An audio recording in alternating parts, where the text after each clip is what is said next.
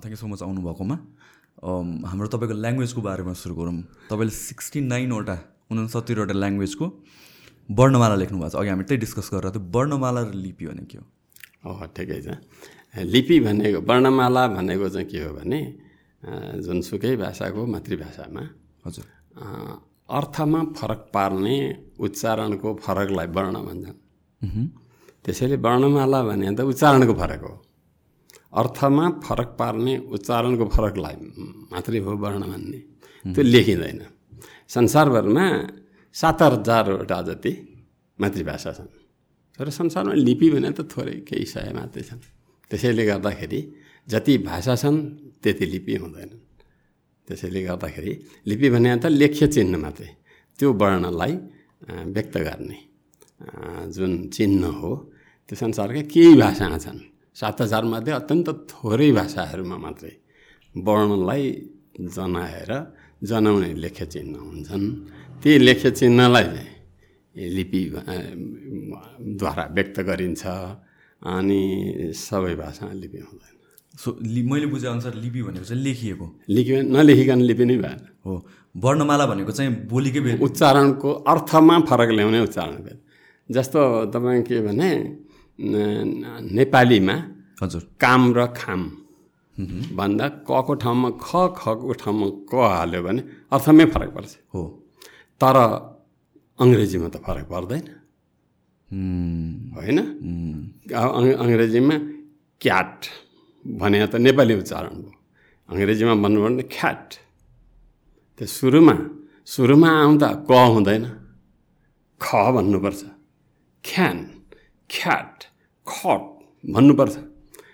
S पछाडि आयो स पछाडि आयो भने अनि मात्रै क हुन्छ। स्किन त्यो चाहिँ स्किन होइन। ओके। होइन? स्पिन त्यो चाहिँ स्पेन होइन। तर पिन त नेपाली उच्चारण हो। अङ्ग्रेजी शुद्ध भन्नु भने फिन। यस्तो हुन्छ। त त्यसैले गर्दाखेरि यो अङ्ग्रेजी भाषामा चाहिँ क र ख बेग्ला बेग्लै वर्ण छैन। त र थ बेग्ला बेग्लै वर्ण छैन प र फ बेग्ला बेग्लै वर्ण छैन। तर नेपालीमा चाहिँ अब त्यो पललाई फल भन्यो भने गडबड हो। फललाई पल भन्यो भने गडबड।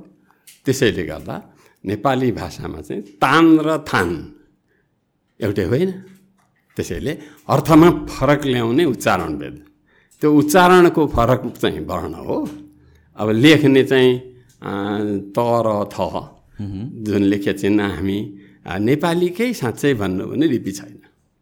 नेपालीको? छैन नि त। हामीले चलाएको नेपाली भाषा लेख्नलाई हामी देवनागरी लिपि चलाउँछौँ। हो। र त्यो देवनागरी लिपि भनेको चाहिँ संस्कृत भाषा लेख्न विकास भएको संस्कृतको लिपि हो। र हामीले संस्कृत भाषाको लिपि चलाउँछौँ। संस्कृत भाषा लेख्न प्रयोग हुने लिपिलाई चलाउँछौँ। र नेपाली भाषा लेख्न प्रयोग गरे मात्रै हो। त्यो नेपाली भाषाकै मौलिक लिपि त होइन। हो। त्यसैले त्यो चाहिँ लिपि र वर्ण भने त्यसरी फरक पर्छ। जस्तो कि संस्कृत भनेको एकदमै सबैभन्दा पुरानो भाषा हो र? होइन। होइन है। होइन। नेपालको पोइन्ट अफ भ्यूबाट पनि होइन? होइन होइन। पुरानो सबभन्दा पुरानो भन्ने चाहिँ के रहेछ भने अब संस्कृत भनेको चाहिँ वास्तवमा यो भाषा विज्ञान भन्ने विषय जन्मियो उन्नाइसौँ शताब्दीमा। सत्र सय छ्यासी इस्वीमा कलकत्ताकोमा एकजना आएका थिए विलियम जोन्स भन्ने।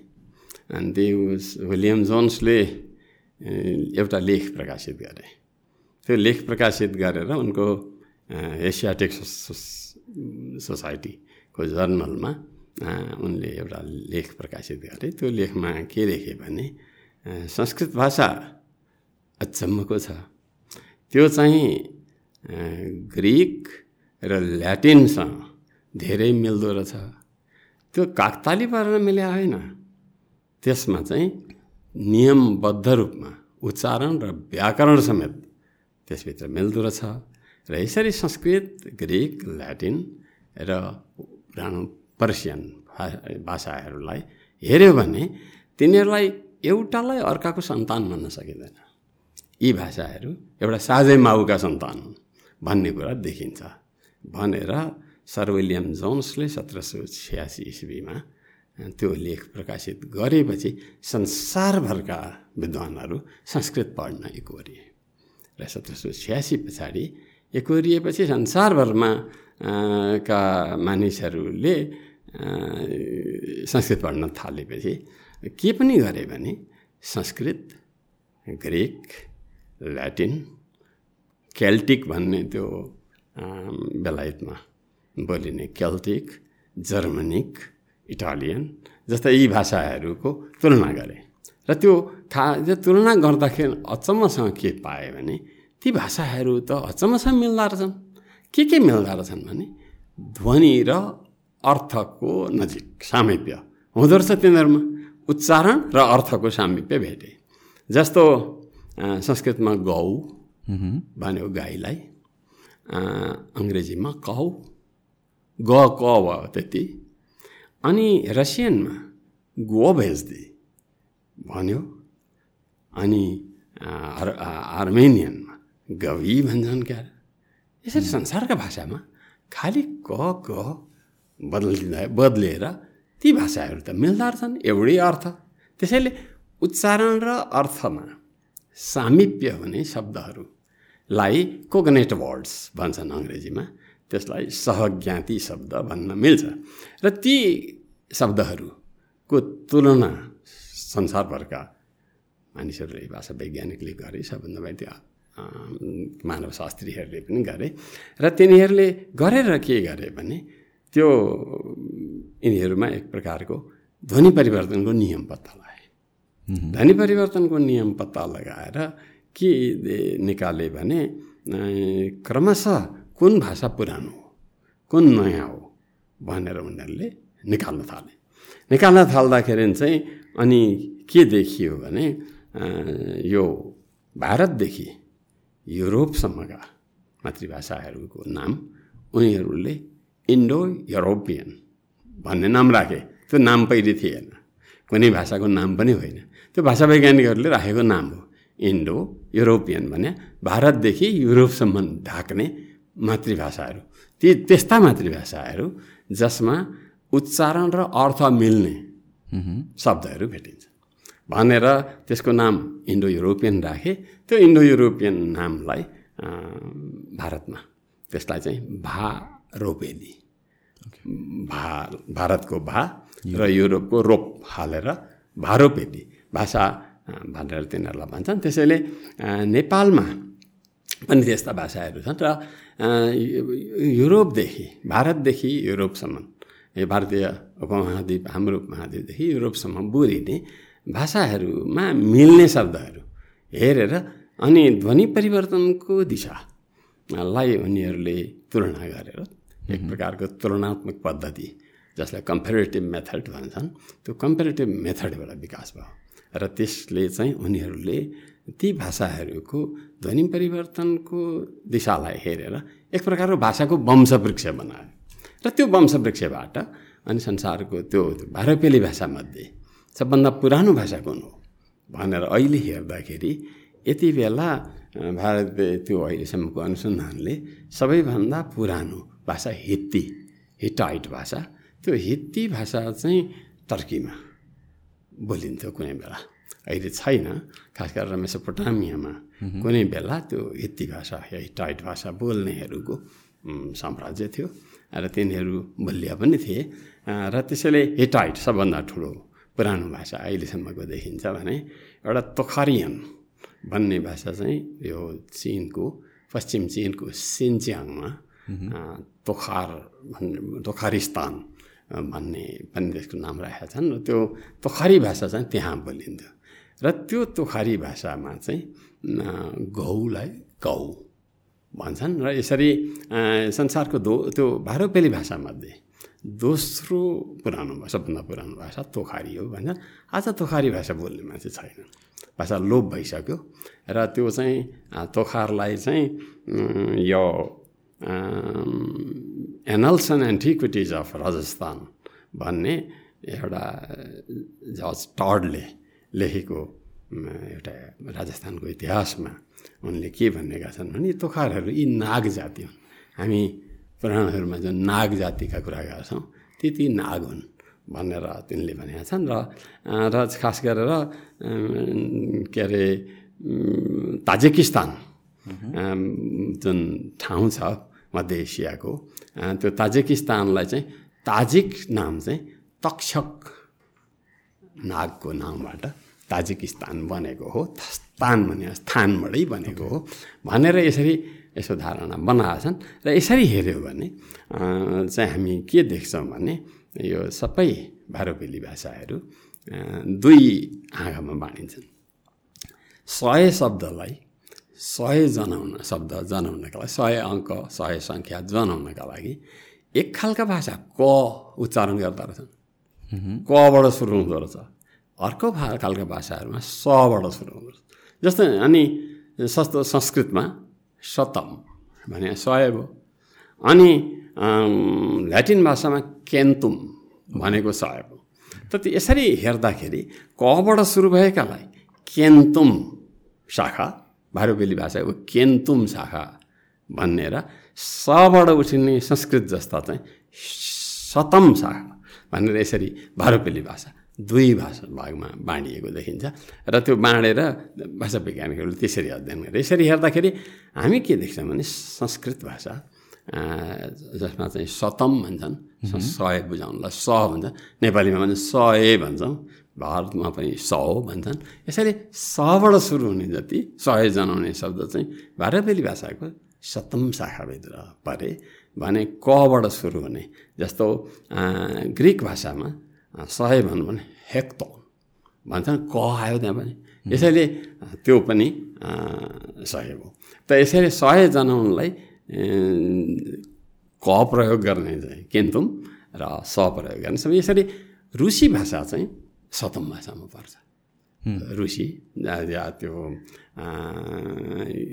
भने केही त्यो युरोपका भाषा पनि रुसी पनि सतम भाषामा पर्छ भने केही चाहिँ केन्तुम भाषा जस्तो त्यही तोखारी भाषा चाहिँ केन्तुम भाषा यसरी सतम र केन्तुम भनेर भाषाका दुईवटा परिवार यसरी मनाछन् र यसरी यसैले भाषा वैज्ञानिकहरूको एक प्रकारको यान्त्रिक पद्धतिबाट उनीहरूले त्यो भाषाको वंशवृक्ष बनाएका छन् यसबाट के देखिन्छ भने नेपाली भाषा चाहिँ या नेपाली र भारतमा थुप्रै भाषा छन्। नेपालमा पनि नेपाली लगायत अरू थुप्रै भाषाहरू छन्। ती भाषाहरू चाहिँ भारोपेली भाषा हुन् र ती भाषाहरू चाहिँ किनभने स्वबाट उच्चारण गरिन्छन्। भनेछ त्यो एउटा मोरिस स्वाडेस भन्ने एकजना ती मानवशास्त्री नै थिए। ती मानवशास्त्रीले के गरे भने एउटा सय शब्द सयवटा शब्द बनाए। त्यो सयवटा शब्दमा चाहिँ लाई चाहिँ उनले के भने बेसिक भोकाबुलरी त्यो चाहिँ आधारभूत शब्दावली भन्ने नाम राखे। त्यो बेसिक भोकाबुलरी राखेको के हो भने संसारको जुनसुकै भाषा भाषा बेग्ला बेग्लै जुनसुकै परिवारको होस् तर त्यो अर्थ चाहिँ भएको शब्द चाहिँ त्यो भाषामा पाइन्छ। जस्तो पानी त जुनसुकै मान्छेलाई चाहियो नि पानी बुझाउने शब्द पानी बेसिक भोकाबुलरीमा अन अना अनिवार्य रूपमा चाहियो। रगत। सबैलाई चाहियो आँखा नाक सबैलाई चाहियो खानु सबैलाई पऱ्यो मर्नु सबैलाई पऱ्यो त्यसैले यस्ता शब्दहरू जुन चाहिँ संसारका भाषामा त्यो शब्द त नभई हुँदैन हो यस्ता सयवटा शब्द मरिस फाडेसले बनाएका छन् र ती मरिस फाडेसले बनाएका ती सयवटा शब्दहरूलाई बेसिक भोक्याबुलरी भन्छन् र संसारका भाषाहरूमा चाहिँ के भने ती बेसिक भोक्याबुलरीमा भएका ती आधारभूत शब्दावलीमा भएका जुन सय शब्दहरू अनुवाद गर्छ र तिनीहरूलाई तुलना गर्छ तुलना गर्दाखेरि त्यो एक परिवारको अनि भाषा परिवार छुट्याउने अस्त्रको रूपमा त्यही मरिस फाडेसले बनाएको सय शब्द आधारभूत शब्दावलीको प्रयोग हुन्छ। अघि तपाईँ मानवशास्त्र र भाषा विज्ञानको साइनाको पनि कुरा गर्नुहुन्थ्यो। भाषा परिवार संसारमा कति किसिमका छन् भनेर छुट्याउनका लागि त त्यो मानवशास्त्रीले बनाएको मोरिस फाडेसको त्यो बेसिक भोकाबुलरीकै उपयोग हुन्छ। र त त्यो तिनै सय शब्दलाई प्रयोग गरेर ठ्याक्कै सय शब्द चाहिँ सबै धेरै जसो मिले भने त्यो एउटा परिवार हो ओके। मिलेन भने अर्को परिवार यसरी हेऱ्यो भने हामी के देख्छौँ भने नेपालमा केही भारवेली परिवारका भाषा छन्। जस्तो नेपाली मैथिली अवधी भोजपुरी यिनीहरू केही भाषाहरू छन् र त्यो यस्ता भाषा केही छन् थारू। यिनीहरू चाहिँ अँ, भारुपेली परिवारका भाषा भए। भने केही भाषा चाहिँ जस्तो तामाङ गुरुङ थकाली मनाङ काइके छन्त्याल राई लिम्बू कुलुङ थुलुङ यिनीहरू छन्। अन्त यी भाषाहरू चाहिँ भुजेल भाषा छ। यस्ता भाषाहरू चेपाङ यी भाषा चाहिँ भोट बर्मेली परिवारका भाषा। यसलाई अर्को भोट बर्मेली भने फेरि त्यस्तै के भने भोट भने तिब्बत र बर्मेली भने बर्मा भने। भोटदेखि बर्मासम्म तिब्बतदेखि बर्मासम्म बोलिने एक प्रकारका भाषाहरू छन्। तिनीहरूमा थुप्रै भाषाका यही शब्दहरू पनि सय शब्द पनि मिल्छ व्याकरण पनि मिल्छ। र पछि के उनीहरूले थाहा पायो भने चिनिया भाषा पनि यो भोट बर्मेली परिवारसँग मिल्दो रहेछ भन्ने थाहा पाएपछि उनीहरूले त्यसको नाम साइनो टिबेटन भोट चिनिया भन्ने नाम त्यसको राखे। यसैले नेपालमा थुप्रै भाषाहरू चाहिँ भोट चिनिया परिवारका भाषाहरू छन् जस्तो राई लिम्बू तामाङ गुरुङ थकाली देमाल जस्ता चाहिँ यी भोट बर्माली भाषाहरू छन्। कि नेपालमा बोलिने भाषाहरू केही चाहिँ भारोपेली भाषाहरू छन् केही भोट बर्मेली भाषाहरू छन्।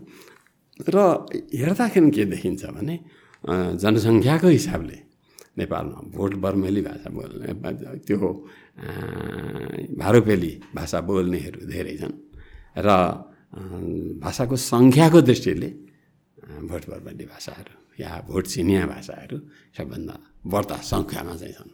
अनि यो ठाउँमा चाहिँ केही आग्नेय परिवारका भाषा पनि दुईवटा छन्। एउटा सन्ताली एउटा खडिया। सन्ताली र खडिया भाषा चाहिँ यी चाहिँ आग्नेय परिवारका भाषा भने आग्नेय भनेको दक्षिण पूर्वलाई भन्दछन् र त्यसलाई अस्ट्रो भनेको ल्याटिन भाषामा दक्षिण एसियाटिक भने एसियाको होइन? दक्षिण पूर्वी एसियाका जुन भाषाहरू छन् दक्षिण पूर्वी एसियामा धेरै जसो बोलिन्छन्। तिनीहरूलाई अस्ट्रो एसियाटिक भाषा या तिनीहरूलाई आग्नेय परिवारका भाषाहरू भनिन्छन् र नेपालमा त्यो सन्त तिनीहरू आएका नै त्यतैपट्टिबाट हो थाइवानको फर्मुसा वा द- इन्डोनेसिया मलया अँ, यतापट्टिका भाषाहरूसँग तिनीहरूबाट मिल्छन् र यसैले त्यस्ता दुईवटा भाषा चाहिँ खास गरेर भारतको उडिसामा र बङ्गालमा पनि ती भाषाहरू छन् र त्यसैले ती भाषाहरू नेपालमा दुईवटा छन् भने एउटा चाहिँ नेपालमा द्रविड परिवारको भाषा छ। द्रविड भनेको दक्षिण भारतका मा बोलिने भाषा हो आधारभूत रूपमा। दक्षिण भारतमा धेरै सो अब प्रमुख भाषा त चारवटा छन्। तमिल तेलुगु कन्नड मलयालम यी चारवटा भाषा छन्। त्यो बाहेक अरू थ थु- तुलु छ कुबी छ त्यो अनेक भाषा छन्। र ती भाषाहरू चाहिँ भारतको दक्षिणमा बोलिन्छन् र तिनीहरूलाई चाहिँ द्रविड परिवार भन्छन्। र द्रविड परिवारको नेपालमा एउटा उराउँ भाषा छ। पहिले पहिले त्यसलाई झाँगड भन्थे। र यो कोशी पूर्व झाँगड भन्थे कोशी पश्चिममा धाँगर भन्थे। र त्यसलाई हिजो आज उराउँ भन्ने उनीहरूले आफूले रोजेका छन्। यसैले नेपालमा यी चारवटा परिवारका भाषाहरू छन् भने कुसुन्डा भाषा एउटा यस्तो भाषा हो जसको साइनो संसारको अर्को कुनै भाषासँग छ त्यो नेपालमा मात्रै छ त्यो एकल परिवारको भाषा। र यसरी एकछिन पानी हुन्छ हुन्छ। र कुसुन्डा भाषा चाहिँ त्यसमा चाहिँ थुप्रै अचम्म लाग्ने कुराहरू छन्। कुसुन्डाहरू वनमा बस्थे। तिनीहरू वनमा पाताको छाप्रा हालेर बस्थे सिकार खेलेर एक ठाउँबाट अर्को ठाउँमा जान्थे। उनीहरूले सिकार मलसाम्परको सिकार गर्थे। अब मलसाँपरो त तन्दिरेहरूले बुझ्दैनन् होइन? अनि मलसाँपरोको शिकार गर्थे अब सुन्न कसरी बुझाउँ एक प्रकारको मलसाँपरो भनेको ग्राउन्ड लिजर्ड भनौँ भने बुझ्छन् होला अलिअलि होइन? अनि नेपालीलाई पनि के भने नेपाली भनौँ भने नबुझिने अङ्ग्रेजी भनेपछि मात्रै बुझिने। एउटा मेरो नातिले एकपल्ट सोधेको थियो बुवा रेड कलरलाई नेपालीमा के भन्छन्? अहिले हामी यस्ता खालको पुस्ता बनाइराखेका छौँ जसले हाम्रो हाम्रो मातृभाषा नबुझ्ने अनि त्यसलाई अनुवाद गरिदिएपछि बुझ्ने। लिजर्डलाई त मौसली भन्छ नि नेपालीमा। हजुर। होइन लिजर्ड भने एउटा परिवार हो त्यसका थुप्रै नाम छन्। होइन माउसुली पनि लिजर्ड हो। अनि यसैले ग्राउन्ड लिजर्ड भनेर जुन उसलाई भन्छन् त्यो एक प्रकारको त्यसलाई के अरे उनीहरू गोरो गोरो भन्छन् त्यो ग्राउन्ड लिजर्ड भने मैले भने अनि अर्को भारसे भन्छन्। एक प्रकार बिरालो जस्तो हुन्छ मलसाम्प्रो जस्तो। त्यसको मासु खाने। उनीहरू खोलाको बगेको पानी नखाने कुवाको मात्रै पानी खाने। के कारणले? उनीहरू त उनीहरू जानु अनि उनीहरूले गाई छुनै हुँदैन। छुन पनि गाईको दुध खाने कुरै छैन। गाईको गोबर छुनु नहुने। अनि त्यो अचम्मको जाति। वनमा बस्ने र त्यो भाषामा जङ्गलमा बस्ने हुन त्यो जङ्गलमा त्यो भाषामा चाहिँ कस्तो भने हरियो भन्ने शब्दै छैन। हरियो रङ बुझाउने शब्दै छैन। किनभने जङ्गलमा बसिया छन् सबैतिर हरियो मात्रै छ। हरियो त उनीहरूको लागि रङै होइन। रातो रङ हो अर्थको अर्थको रङ हो। हरियो त के को रङ? यस्तो अचम्मको चिज छ त्यो कुसुन्डा भाषामा। कुसुन्डा भाषामा हामीले त्यो त्रिभुवन विश्वविद्यालय भाषा विज्ञान विभागमा मैले त्यो कुसुन्डा भाषाको विषयमा अध्ययन सबभन्दा पहिले अ, सुएयसी तोबा र राइनहार्ट भन्ने एकजना अस्ट्रियनले लेखेको किताब थियो कुसुन्डा भाषाको र त्यो कुसुन्डा भाषाको त्यो मैले पढ्दाखेरि के थाहा पाएँ भने संसारमा जम्मा नेपालमा अरू कुसुन्डाहरू यत्रो छैनन् नेपालमा पहिले तिनवटा कुसुन्डा थिए एउटा कुसुन्डो मऱ्यो मह्म। एउटा हरायो र गोर्खामा एउटी महिला कुसुन्डा छिन् भनेर लेखिएको थियो। अनि मलाई त्यो कुसुन्डा भाषाको अध्ययन गर्न मन थियो तर म युनिभर्सिटीको प्राध्यापक मसँग खर्च थिएन सरकारसँग चेत थिएन। त्यसैले मैले त्यो अध्ययन गर्न नपाइकन ती महिला कुसुन्डाको मृत्यु भयो र कुसुन्डा भाषा अब लोप भयो भनेर म बडा चिन्तित थिएँ। र त्यो चिन्तित भएको बेलामा एक दिन मैले बिक्की राणालाई भेटेँ र बिक्की राणाले मलाई के भने भने म दुईजना फरर कुसुन्डा भाषा बोल्न सक्ने मान्छेको म तपाईँलाई ठेगाना दिन्छु भनेर दुईजना अ, कुसुन्डाको नाम मलाई बिक्की राणाले दिए। एउटा पुनी ठकुरी रोल्पाको टुनी बोटमा बसिन्थे। भन्ने भनेर उनले भने। र अर्को चाहिँ ज्ञानीमैया सेन ऊ चाहिँ त्यो देवखुरीमा बसिन् भनेर उनले मलाई ठेगाना दिए। यो जनजाति प्रतिष्ठानमा मैले त्यस बेला सन्तबहादुर गुरुङ त्यसको उपाध्यक्ष हुनुहुन्थ्यो। त्यस बेला मैले उहाँलाई भने कुसुन्डा भाषाको खोजी गर्नु पर्यो। किनभने मसँग यो गोर्खा टुनी अ, त्यो त उसको टुनी गोर्खा होइन। रोल्पाको टुनी बोटमा पुनी ठकुरी फरर बोल्ने छन् भन्ने मैले सुनेको छु। र यो उसमा चाहिँ देवखुरीमा ज्ञानीमय सेन भन्ने सुनेको छु। मैले सूचना दिएँ त्यसलाई खोज खोज्नु पर्यो उनीहरूलाई भनेपछि त मैले दाङमा सबभन्दा पहिले म त्रिपन्न सालमा त्रिभुवन विश्वविद्यालयको नेपाली अनिवार्य नेपाली विषयका गुरुहरूलाई अनिवार्य नेपाली पाठ्यक्रमको तालिम दिँदै पुगेको थिएँ यतापट्टि दाङमा। दाङमा पुगेको बेला प्राध्यापक चुडामणि बन्धुले मलाई भन्नु यहाँ एउटा कुसुन्डा भाषी छ भेट्न जाने होइन। अत्यन्त खुसी भएँ। लु भेट्न जाउँ। त्यस बेला प्राध्यापक बल्लमणि दाहाल पनि हुनुहुन्थ्यो। बल्लमणि दाहाल अ, जुडामणि बन्धु म हामी तिनजना गयौँ। र त्यो कुसुन्डालाई प्रेमबहादुर कुसुन्डा धामको अङ्ग अम्बापुरमा प्रेमबहादुर कुसुन्डालाई भेट्यौँ मैले सोधेँ सोद्धाखेरि ती नै अनेक ऐका आधारभूत शब्दावलीमध्ये प्रेमबहादुर कुसुन्डालाई चौसठी प्रतिशत मात्रै शब्द आउँथे कुसुन्डा भाषाका नभए बिर्सिसके चौसठी प्रतिशत मात्रै सुन्दा थियो अनि वाक्य चाहिँ नआउने खालि शब्द मात्रै आउने त्यसो भएपछि त कुसुन्डा भाषा त झन्डै सिद्धिएको जस्तो लागेको थियो। तर पछि जनजाति प्रतिष्ठानले यहाँ चाहिँ के हो? जनजाति। प्रतिष्ठानले लिएर आयो तिनजना कुसुन्डालाई एउटा प्रेमबहादुर कुसुन्डा एउटी ज्ञानीमया सेन र पुनी ठकुरी होइन रोल्पाबाट। पुनी ठकुरीकी छोरी कमला खत्रीलाई चाहिँ लिएर आयो। र तिनजनासँग हामीले कुराकानी गऱ्यौँ। फररै सुन्दा भाषा बोल्दो रहेछन् ज्ञानी मैया सेन पनि बोल्दो रहेछन् कमला खत्री पनि बोल्दो रहेछन् र प्रेमबहादुर कुसुन्डा चाहिँ ती चाहिँ दस वर्षको उमेरसम्म वनमा बसे अरे दस वर्षपछि वन छोडेर गाउँ पसे। गाउँमा काम गरेँ कहिले कुसुन्डा भाषा बोल्नु छैन। म गर्ने बिहे गरेपछि उनले कुसुन्डा बोल्नै परेन। बिस्तार बिस्तार आफू फरर बोल्न सक्ने आफ्नो मातृभाषा उनले बिर्सेछन् त्यही मैले भेटेका बेला चौसाठी प्रतिशत शब्द मात्रै जान्ने वाक्य बोल्न नसक्ने अवस्था पुगेका थिए भने ज्ञानीमै सेन पनि त्यस्तै दस वर्षको उमेरमा ऊ पनि वनबाट गाउँ पसेकी रहेछन् तर उनको प्रतिभा मातृभाषासँग कस्तो राम्रो रहेछ भने मैले उनलाई भेट्दा पनि सतसट्ठी वर्षकी जति थिइन् तर आफ्नो मातृभाषा उनले धेरै वर्ष बोल्न नपाएको मातृभाषा चाहिँ फरर बोल्न सक्दैन त्यस बेला।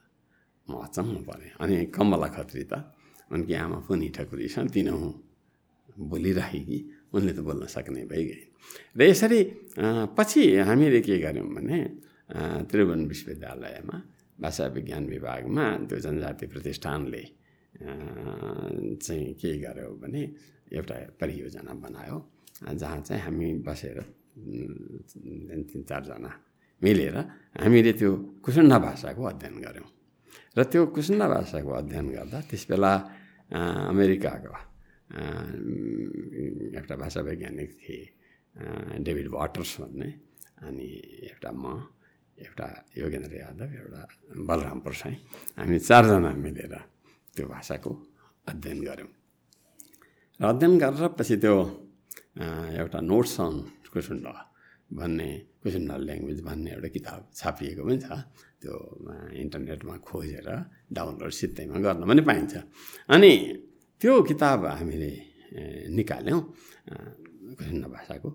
त्यसैले संसारभरमा तहल्का मचायो र कुसुन्डाको खोजी यति भयो भर्खर अहिले दस दिन पन्ध्र दिन जति अगाडि बिबिसीमा पनि मेरो समेत नाम उल्लेख गरेर कुसुन्डा भाषाको चर्चा त्यहाँभित्र भएको छ एकजना ब्रिटिस महिला आएकी थिइन् तिनले बेग्ला बेग्लै कुसुन्डा भाषाको हालतको विषयमा उनले लेखेकी छन्। यसरी कुसुन्डा भाषा चाहिँ त्यही आधारभूत शब्दावलीका आधारमा हेऱ्यो भने संसारको कुनै परिवारसँग पनि मिल्दैन। र यसैले कुसुन्डा भाषा चाहिँ नेपालमा यसरी कुसुन्डालाई समेत विचार गर्नु हो भने नेपालमा पाँचवटा महापरिवारका भाषा छन्। भनेर भन्नु पऱ्यो। जसमा चाहिँ कुसुन्डा भाषाको संसारमा अर्को गोती छैन नेपाल मात्रै हो भने अरू भाषाको मैले सूचना दिएँ। अब कुसुन्डा भाषासँग रमाइलो के छ भने पुनी ठकुरी।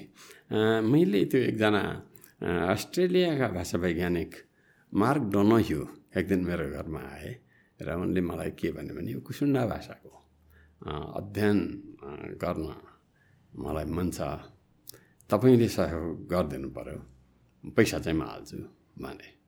म त त्यसै खोज्थेँ। मैले एकजना मेरो चेलो भोजराज गौतम। त्यो भाषा विज्ञानबाट भोजराज गौतमले प्रथम भएका। प्रथम श्रेणीमा प्रथम भएका विद्यार्थी थिए। मैले उनलाई लिएर गएँ। र गएर म देवखोरीमा लम्बाइ देवभन्दा पर्तिर हो अर्जुन खोला किनारमा ज्ञानीमा यहाँ त्यहीँ बस्थेँ म त्यहाँ गएँ र म वास्तवमा हिँडेको चाहिँ रोल्पा थियो किन रोल्पामा पुनी ठकुरीसँग मैले कुसुन्डा भाषाको अध्ययन गर्न विचार गरेको थिएँ किनभने पुनी ठकुरी चाहिँ पुनी ठकुरी र कमला खत्री आमा छोरी त कुसुन्डा बोल्थे त्यसैले सबभन्दा जीवन्त भाषा त कुसुन्डा पुनी ठकुरी र ज्ञानीमैयाकै त्यो कमला खत्रीकै हो। ज्ञानीमैयाले दस वर्षको उमेरमा छोड्या प्रेमबहादुरले पनि दस वर्षको उमेरमा छोड्या त्यसैले सबभन्दा जिउँदो र भाषा त र बोलचालमा चलिरहेको त पुनी ठकुरी र कमला खत्रीको भाषा हो। त्यसैले त्यही अध्ययन गर्न भनेर मैले भोजराजलाई लिएर म पुगेको थिएँ तर लम्बाइ पुग्दा नपुग्दा। मैले के थाहा पाएँ भने पुनी ठकुरी त्योभन्दा अघिल्लो वर्षै मरिछन् र कमला खत्री पनि बनी गर्न काला पानी गइछन्। भन्छ महाकाली पार्टी गइछन् भन्ने थाहा भएपछि मैले बाध्य भएर अर्जुन खोलामा नमैमै बस्नु पऱ्यो र मैले भोजराज गौतमलाई ज्ञानीमया सेनसँग बसेर कुसुण्ड भाषा बोल्न र अध्ययन गर्न सिकाएँ। कसरी कुसुण्ड भाषा उनले बोल्न पनि सके कसरी बोल्ने सिक्ने भनेर कुसुण्ड भाषा सिक्न पनि लगाएँ त्यसका शब्दकोश बनाउने त्यसको व्याकरण बनाउने त्यसका पाठहरू सङ्कलन गर्ने मैले तरिका सिकाएँ। र उनले त्यहाँ छ महिना बसेर उनले ज्ञानी म्याएको छिमेकमा छ महिना बसेर उनले कुसुण्ड भाषाको बिस घन्टाको रेकर्डिङ गरे र ऊ अहिले फरर बोल्न सक्यो। सन् त्यसैले कमला खत्रीसँग कुसुण्डा भाषामै दोहोरो कुरा गर्न सक्ने कोही मान्छे छ भने भोजराज गौतम पुरै बोल्न सक्नु पुरै पुरै मैले एकपल्ट चिनको नानसिङ विश्वविद्यालयका एकजना भण्डारी मैले नाम बिर्सेँ विद्यार्थीले त्यहाँ पिएचडी गर्दै रहेछन् उनले मलाई भने म एउटा यो खास गरेर कुसुन्डा भाषाहरूको भाषाको त एउटा जेनेटिक स्टडी त्यसको मुम्साणुको अध्ययन म मैले गर्नु छ त्यहाँ त्यसमा पिएचडी गर्नु छ। त्यसैले मलाई त्यो कुसुन्डाहरूको रगत चाहिएको छ। अनि त्यो रगत सङ्कलन गर्न तपाईँलाई सहयोग गरिदिनु पऱ्यो भनेर उनले भनेपछि मैले कुसुन्डा समाजका अध्यक्ष धनबहादुर कुसुन्डासँग सम्पर्क राखेर मैले सबैतिरका कुसुन्डा दस थरी दसवटा कुसुन्डालाई बोलाइदिएँ। बोलाइदिएर दाङमा पुगेपछि कमला खत्री रोल्पाबाट आइन्। उनको दाजुलाई पनि लिएर आइन्। दाजुलाई कुसुन्डा भाषा त आउँदैन थियो तर रगत त कुसुन्डाको हो नि। रगतको अध्ययन गर्ने भाषा। अनि ज्ञानी मैयालाई चाहिँ कुसुन्डा भाषा फरर आउँथ्यो। तर ज्ञानी मैया चाहिँ बाबु कुसुन्डा आमा गर्ने। अनि यो जेनेटिक्समा के हुन्छ भने यो चाहिँ वाइ क्रोमोजमबाट चाहिँ बाबुको वंशाणु बम पर्खेउली गुण चाहिँ वाइ क्रोमोजमबाट आउँछ। त्यो चाहिँ छोराबाट नाति नातिबाट बाबुबाट छोरा छोराबाट नाति नातिबाट पनातितिर लाग्छ। छोरीतिर जाँदैन। भने अर्को माइटोकन्ट्रियल डिएनए भन्छ त्यो चाहिँ आमाबाट छोरी छोरीबाट नातिनीतिर जान्छ। यसैले ज्ञानीमै यहाँ सेन कुसुन्डा भाषा त फरर बोल्न सक्थेन। तर उनको रगत चाहिँ कुसुन्डाहरूको अध्ययन गर्न काम लागेन। किनभने ऊ त मगर्नीकी छोरी र उनको माइटोकन्ड्रियल डिएनए त मगर्नीको हुन्थ्यो। त्यसैले उनको चाहिँ काम लागेन। तर कमला खत्रीको दाजुलाई चाहिँ कुसुन्डा भाषा नआउने भए पनि उनको चाहिँ भाउ पनि कुसुन्डा आमा पनि कुसुन्डा भएको हुनाले उनको रगत चाहिँ लाग्ने भयो। मैले दाङमा पुगेपछि कमला रोल्पाबाट कमला आइन्। मैले कमलालाई बजराजसँगलाई मैले के भने भने हामी किन आएका हौँ? भनेर तिमी कमलालाई कुसुन्डा भाषामै बुझाऊ के कामले हामी आएका हौँ भनेर बुझाऊ भनेर लगाएँ र बजराजले कमलालाई कुसुन्डा भाषामै हामी के कारणले धनमा बेला भएको हौँ भनेर बुझाएपछि मैले कमलालाई सोधेँ मेरो चेलोलाई तिम्रो भाषा आउँछ कि आउँदो रहेछ? हामीलाई भन्दा राम्रो आउँदो त्यसैले वजराज गौतम र अहिले पछि पनि क कमला र कुसुन के अरे ज्ञानीमैयाले कुराकानी गरेका कुराकानी पनि उनले बटुल्या छन्। र त्यसैले अहिले कुसुन्डा भाषा चाहिँ कुसुन्डाको अब वास्तवमा त्यो कमला खत्रीसँग भएको उनको जुन मातृभाषा हो कुसुन्डा भाषा। कमला खत्री अहिले चाहिँ पचास वर्ष लगभग के होलिन् पचास बाहन्न त्यस्तै छ। तिनीले धरती छोडिन् भने कुसुन्डा उनले वर्ष कुसुन्डा भाषाको लगत हामीले अध्ययन गर्न नसकिकन नभ्याइकन उनले धरती छोडिन् भने पनि भोजराज गौतमले बिस घन्टाको ज्ञानी रेकर्डिङ गरेका छन्। त्यसको अध्ययन गरेर हामी कुसुन्डा भाषाको व्याकरण बनाउन सक्छौँ शब्दकोश बना हामीसँग रेकर्डिङ चाहिँ छ उनीसँग पनि छ तर हामीसँग पैसा छैन। त्यसैले गर्दा त्यसको अध्ययन अगाडि बढाउन बाँकी छ। यो खालको अवस्था चाहिँ छ यो अब तपाईँलाई यसले सोध्नु भएको प्रश्न कहाँ थियो? तर जे भए पनि मैले तपाईँलाई के भने भने भाषा कसरी छुट्याइन्छ र भाषाहरूको बेग्ला बेग्लै परिवार कसरी छुट्याइन्छ नेपालमा कति परिवारका भाषा छन् कुसुन्डा किन एकल परिवारको भाषा भयो र त्यसको हालत कस्तो छ भन्नेसम्म मैले भने। यो कुसुन्डा भनेको मान्छेहरू ट्राइब भनौँ न कति पुरानो हो यो हिस्ट्री? अहिले चाहिँ के भने कुसुन्डा जातिको चाहिँ भाषाको आधारबाट। हजुर। त्यसको फेदहरूतिर पाइया छैन। त्यसैले यति बेला सक्कली आदिवासी त कुसुन्डै हो कि? नेपालको आदिवासी त। सक्कली त्यहाँबाट कुसुन्डै नै- कुसुन्डै हो कि? किनभने भारोपेली आर्य आर्य परिवारका भाषा बोल्नेहरू त तिनीहरू युरोपबाट आए र तिनीहरूको भारोपेली जातिहरूको चाहिँ मूल थलो सोभियत रुसको सिन्तास्ता भन्ने ठाउँ तिनीहरूको प्रख्याति थलो हो र त्यहाँबाट संसारभर छरिए भन्ने अहिलेसम्मको पुरातात्विक अनुसन्धानले भनेको छ त्यसैले भारोपेली जाति त सिन्तास्ताबाट छरिएछ अनि भोटचिनिया भाषा बोल्नेहरू तिब्बतको छिङ्हाई तिब्बतको उत्तर पूर्वको मालभूमिमा बाट एसियाका ठुल्ठुला नदीहरू त्यहाँबाट निस्किन्छन्। त्यही ठाउँबाट त्यो ह्वाङ्हो नदी चिनको ह्वाङ्हो नदीको शिर पनि त्यही हो। अनि त्यहीबाट चिनको दक्षिण चिन साङ्घाई छेउबाट बग्ने याङ्सी नदी पनि त्यहीँबाट बग्छ।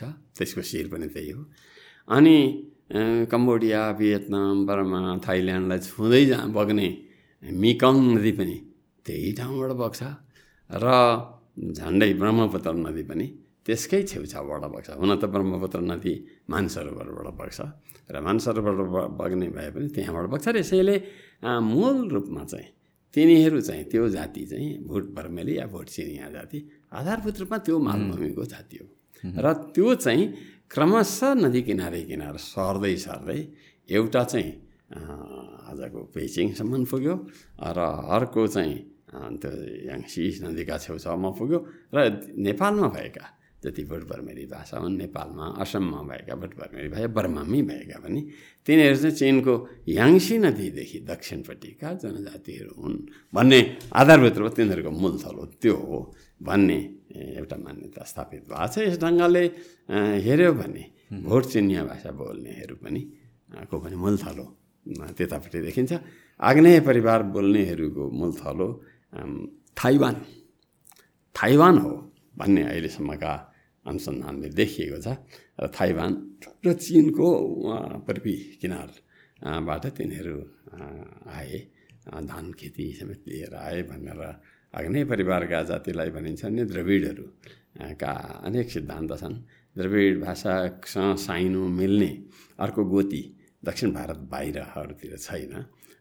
तर धेरै मानिसहरूले के अनुसन्धानबाट खोजे के गरेका छन् भने एउटा र अँ, ले एउटा चाहिँ द्रविड भाषा बोल्नेहरूको पुल मूल थलो चाहिँ पूर्वी मेसोपोटामिया हो भनेर उनले एक प्रकारको अनुसन्धान गरेर द्रविड भाषा र मेसोपोटामियाको भाषाको तुलना चाहिँ गरेका छन्।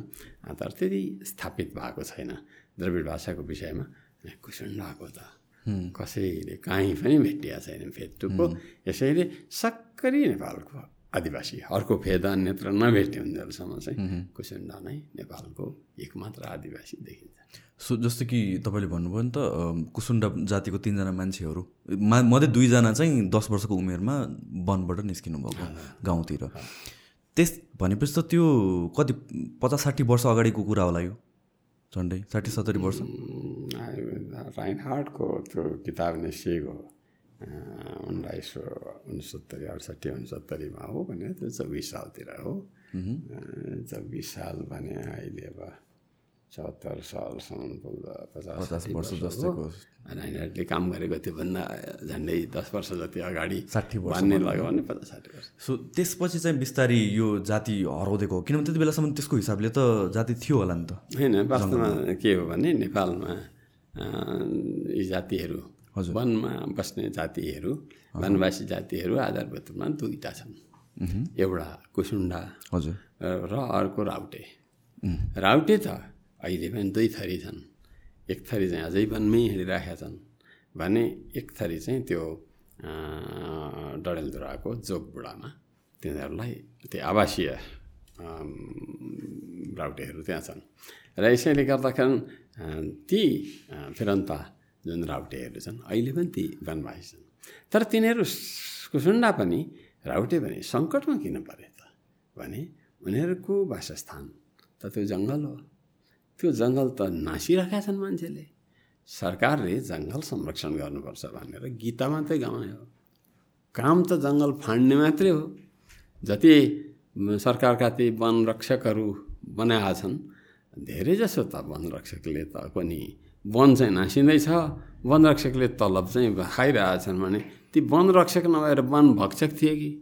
भन्ने खालको देखिएको हुनाले यसरी जुन ढङ्गले वन मासिराखेको छ। र वन फडनी गर्ने गर्ने भएपछि ती वनवासीहरूको जुन उनीहरूको वासस्थान हो त्यो वासस्थानको संरक्षण नभएपछि तिनीहरू लोप भएका हुन्। कुनै जमाना थियो जुन बेला कुसुन्डाहरू चाहिँ कुसुन्डाहरू त्यो ठेकी काठका सामानहरू साट्न गाउँमा आउँथे र गाउँबाट आँटो पिठो साटेर लगेर उनीहरू खान्थे र उनीहरू सिकार गर्थे। त्यो मासु गाउँकालाई दिन्थे। र त्यो पिठोले त्यसरी रङ यस ढङ्गको थियो। र कुसुन्डा महिलाहरू त्यो गाउँमा नाच्न पुग्थे मिठो गीत गाउँथे। र तिनीहरूलाई तिनीहरू चाहिँ गाउँमा बस्दैनथे अ, त्यसै सँगलमै फर्किन्थे।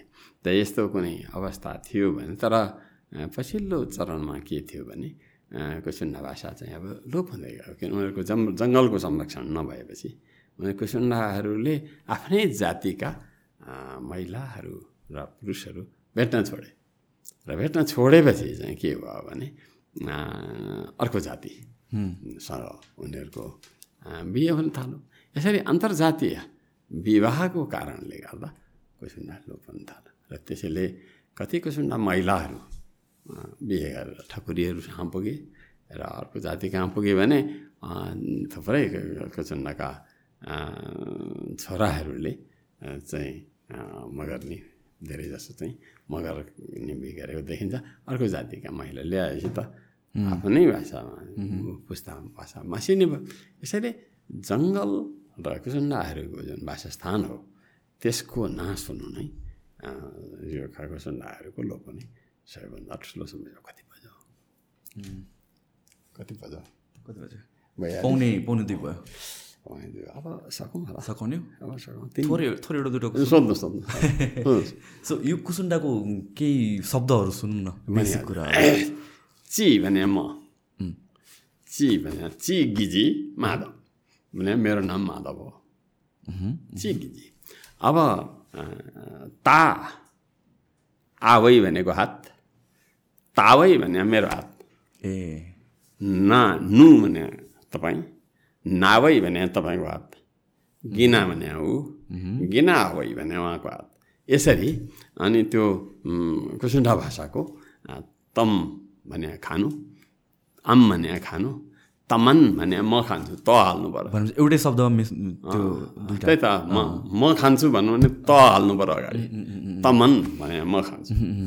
तपाईँ खानुहुन्छ भन्नु भने अगाडि नहाल्नु पर्छ नमन हो अनि किन? यसरी चाहिँ के हो भने त्यो भाषा उनीहरूको फरक फरक हुन्छ। जस्तो कि तपाईँ अघि मैले अगाडि कुरा गरेर आएको थिएँ नि हामीहरूको यो नेपालीहरूले नै कुरा गर्दाखेरि हामीहरूको जुन उच्चारणहरू युरोपियनहरूले या भन्छ अमेरिकनहरूले गर्न सक्दैन भन्दा तपाईँले नेपालीहरूले पनि नेपाली भाषा गर्न सक्दैन। हो। त्यसको त्यसको बारेमा एकचोटि। थुप्रै। अब जस्तो नेपालमा चाहिँ मैले भाषा विज्ञानमा पिएचडी गरेको दुई हजार छयालिस सालमा। मैले पुना विश्वविद्यालयबाट भाषा विज्ञानमा ध्वनि विज्ञानमा उच्चारणमै मैले पिएचडी गरेको। नेपाली भाषाको उच्चारण व्यवस्थामा मैले पिएचडी गरेको र त्यो गरेर आएपछि मैले पहिले के हेरेँ भने नेपालका भाषाहरूको अध्ययन मैले गरेँ।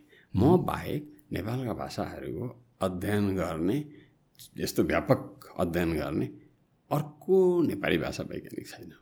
मैले त उनसत्तरीवटा भाषाको वर्णमालै बनाएको छ अलिखित भाषाहरूको। र यसरी अ, मैले पहिले सबभन्दा पहिले उहाँबाट चाहिँ मैले लिम्बू भाषाको अध्ययन गर्न थालेँ र बैराई काइला नेपाल प्रज्ञा प्रतिष्ठानमा सदस्य हुनुहुन्थ्यो। त्यस बेला उहाँले के विचार गर्नुभयो भने यो लिम्बू भाषाको इमान सिंह चेम्जोङले बनाएको लिम्बू नेपाली अङ्ग्रेजी शब्दकोशलाई अध्यावधिक गर्नु पऱ्यो भनेर उहाँले एउटा परियोजना थाल्नुभयो र त्यो परियोजनामा उहाँले मलाई पनि पहिले बल्लमणि दाहाल र डाक्टर सुभद्रा सुब्बा र डाक्टर बल्लमणि दाहालको सहायता लिनुभयो। र एक दिन डाक्टर बल्लमणि दाहालले मलाई यो मान्छे उच्चारण सिकेर आएको छ ध्वनि विज्ञान त्यसैले यसले चाहिँ यसलाई एक दिन एउटै एक दिनको क्लास यसलाई लिन बोलाउँ भनेर उहाँले सिफारिस गर्नुभएको छ। एक दिन मलाई डाक्टर बल्लमणि दाहालले पुर्याउनु भयो। पुर्याएपछि मैले एक दिनको क्लास लिएपछि के भयो?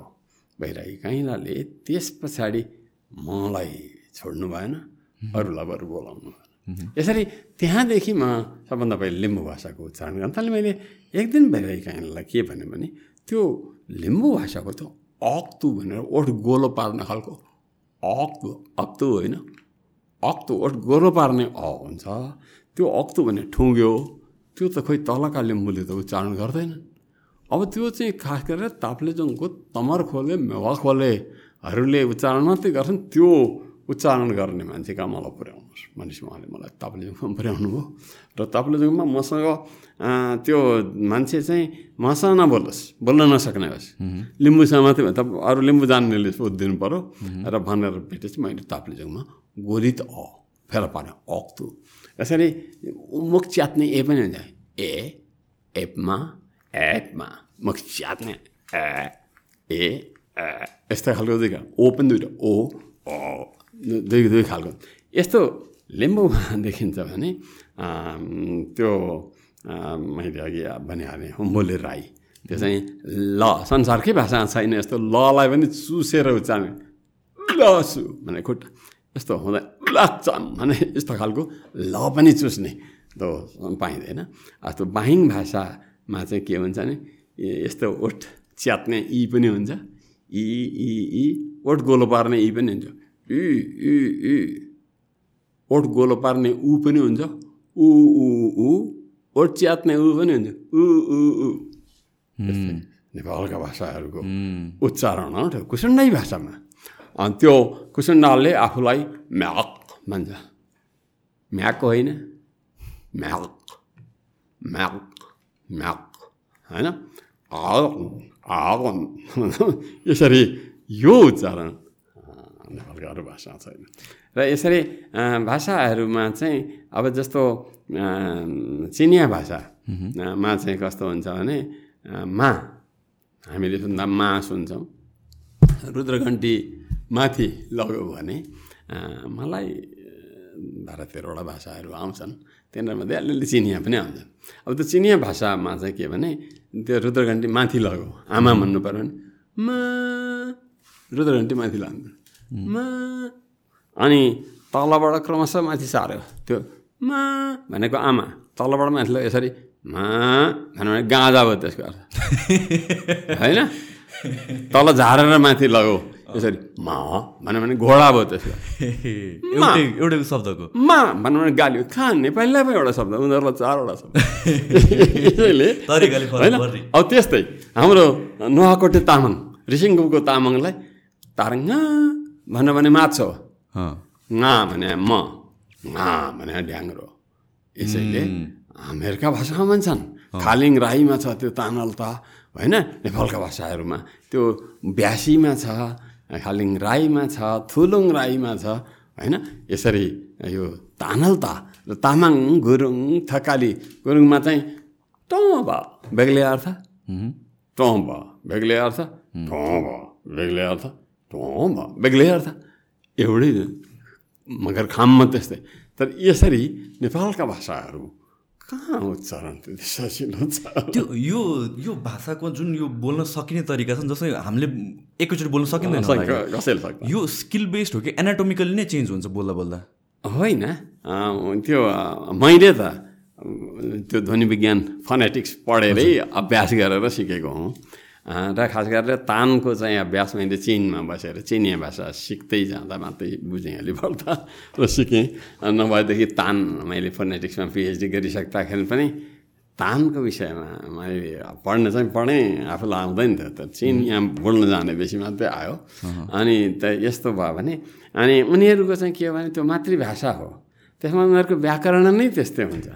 त्यो चाहिँ रुद्रगण्डी तलमाथि सारेरै शब्दको अर्थ छुट्याउने उनीहरूको भाषै फरक। गोर्खाको घले भाषा पनि त्यस्तै हो लोमी भाषा छ सङ्घ सभा त्यसको त्यस्तै हो यसो तानबाट शेर्पा त्यस्तै हो।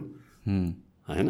असेल ला भन्नु बेग्लै ला बेग्लै यसरी ला यसरी शेर्पा भाषा हिजो जस्तै वालुङ वलाङचुङवालाको भाषाको वर्णमाला बनाएर यसैले भाषाहरूको त्यो उच्चारण व्यवस्था नेपालीमा यति जटिल त के युरोपमा छ र हो हो।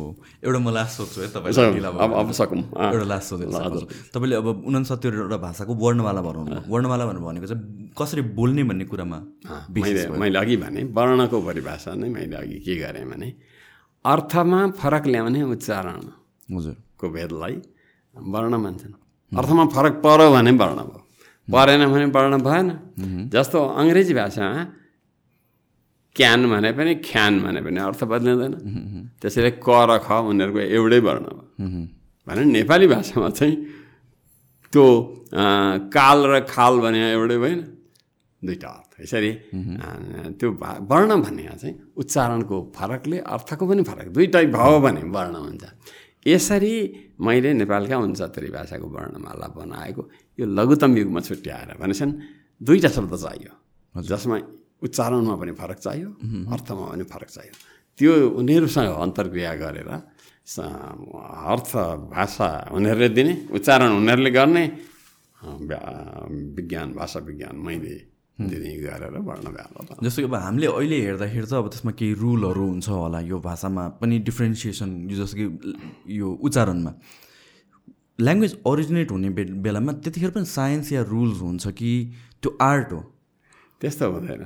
यो ल्याङ्ग्वेज त्यो ओरिजिनेसन भने यो भाषा पहिले कसरी उत्पत्ति भयो फाला यो कथा त म भन्दिनँ भनिसकिहालेँ मैले भन्ने चाहिँ के हो भने हरेक मातृभाषीले कुनै भाषा घरमा बोल्छ बोल्ने भने आमा बाबुसँग सिक्ने हो यो भाषा विज्ञान मैले पढेको छु ध्वनि विज्ञान मैले पढेको छु त्यसैले मलाई यो चाहिँ तान हो यो जस्तो हो भन्न मलाई आउँछ उनीहरूलाई त आउँदैन उनीहरू त बोल्छन् सक्यो। ल सघाइदिनु तपाईँलाई धन्यवाद। थ्याङ्क यू सो मच छ